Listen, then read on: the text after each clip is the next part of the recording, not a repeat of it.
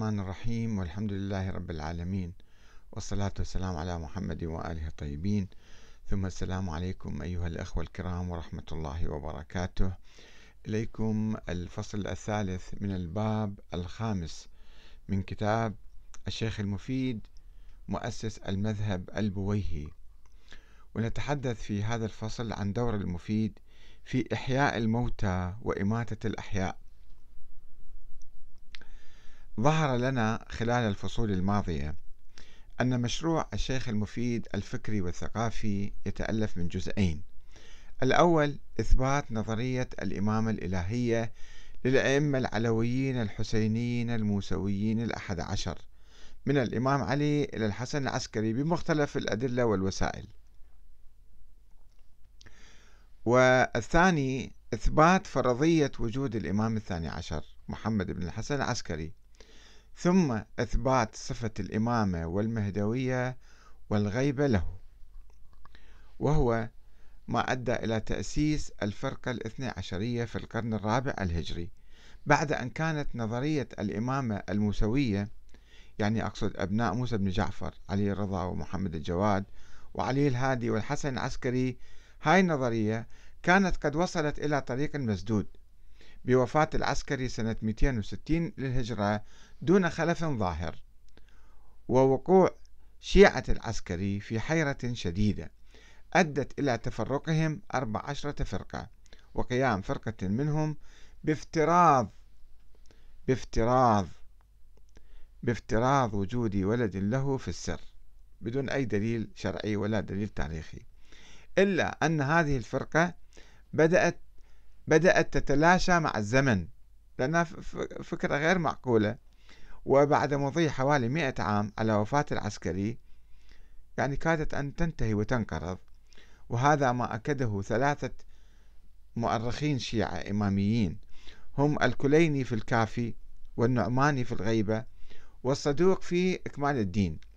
وقد ذكرنا أقوالهم في بداية هذا الكتاب. ونقول الخط الموسوي لأن الخط الآخر الإسماعيلي كان ناشطا جدا في القرن الرابع واستطاع أن يقيم الدولة الفاطمية في شمال أفريقيا ثم يمتد إلى الحجاز والشام وكاد أن يصل إلى العراق ووصل إلى العراق في القرن الخامس الهجري. وبغض النظر عن صحة نظرية الإمامة أو بطلانها فإنها كانت تدور في حياة الأئمة الأحد عشر وفي الأئمة الإسماعيليين حول أئمة موجودين في الظاهر ولكنها وصلت مع وفاة العسكري دون خلف إلى حالة من الموات والفقدان والتلاشي كما قال فريق من شيعة العسكري وهو الذي قال ببطلان نظرية الإمامة من أساسها وإلا لما وصلت إلى طريق مسدود. وقد استعرضنا ذلك أيضا في الفصول السابقة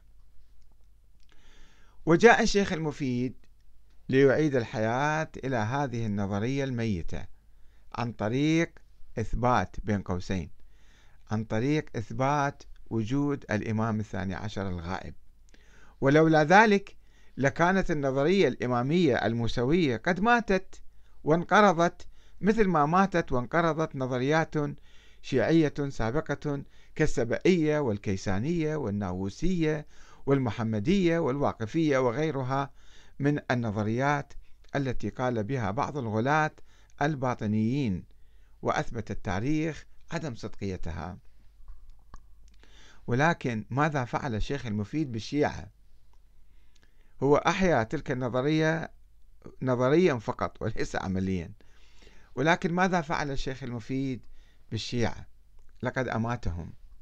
وأدخلهم في كهف ووضع عليهم الحجارة وأخرجهم من مسرح الحياة.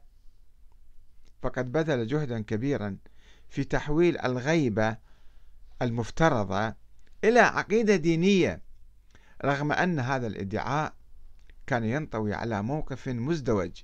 فمن ناحية يقول بوجوب تعيين الله إماما في الأرض ومن ناحية أخرى يقول بغيبته عن الحياة. ولما لم يكن لذلك الإمام المفترض أي وجود حقيقي وظاهري وحيوي فقد اكتفى الشيخ المفيد من وجوده في الأذهان فقط. فقال إن مدلول الخبر هو لزوم وجود الإمام ولزوم معرفة المسلم به معرفة فقط معرفة ذهنية ولم يتضمن وجوب ظهوره وعدم غيبته وأن نفس معرفتنا بوجوده وإمامته وعصمته وفضله وكماله.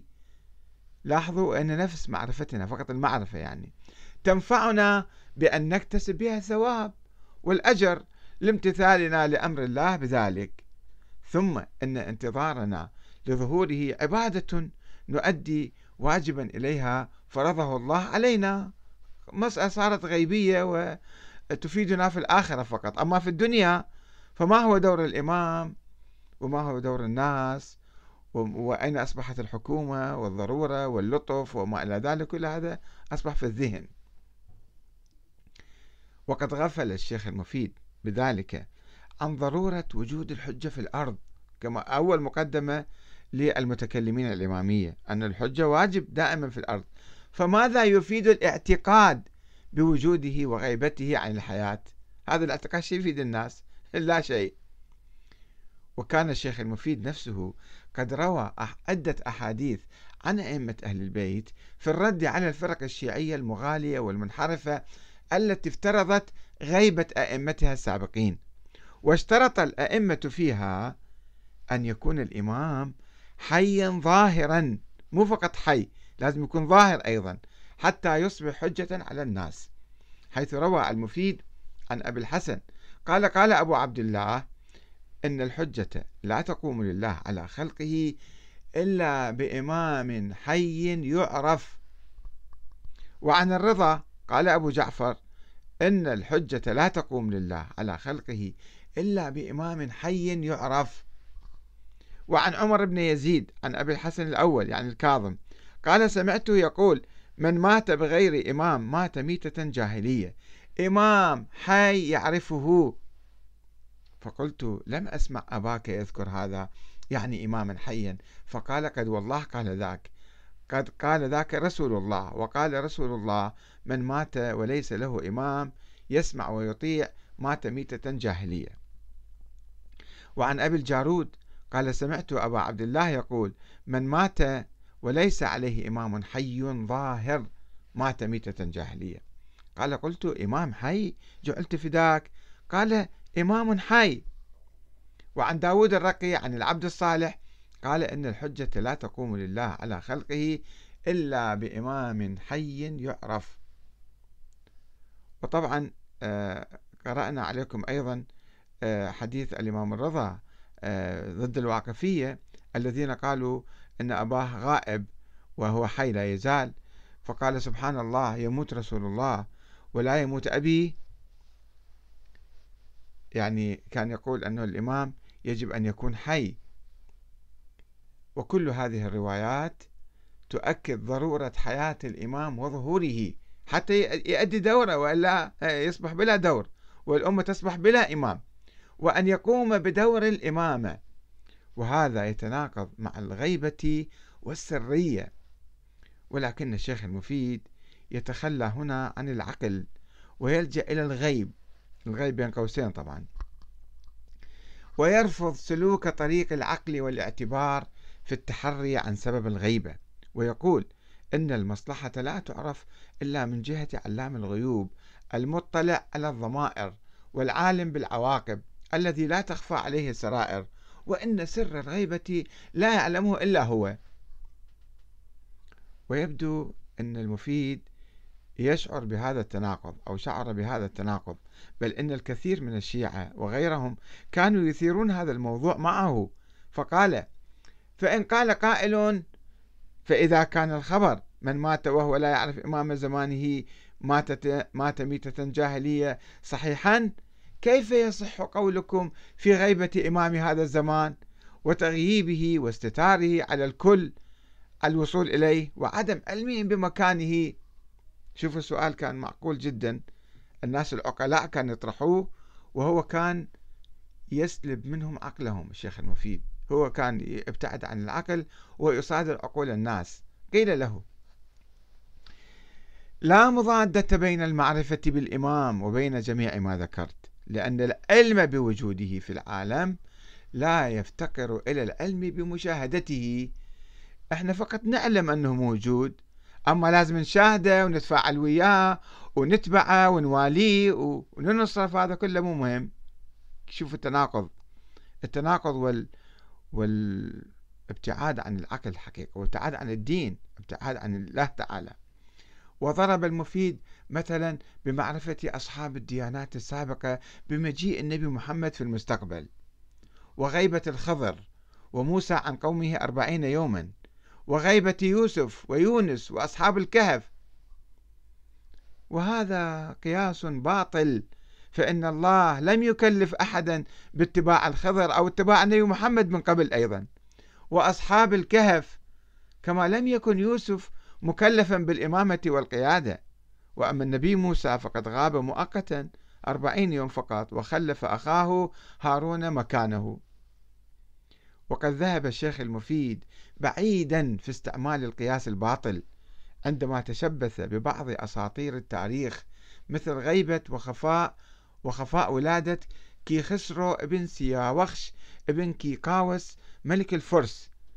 وما كان من ستر أمه حملها وإخفاء ولادتها لكي خسرو والخبر بأمره مشهور وسبب ستره وإخفاء شخصه معروف قد ذكره علماء الفرس وأثبته محمد بن جرير الطبري في كتابه التاريخ. ما علاقة شخص أمة أخفته في التاريخ عن أبيه الملك أو جده الملك بوجود إمام معصوم معين من قبل الله يجب أن يقود الأمة الإسلامية. ما هذا القياس الباطل البعيد جدا.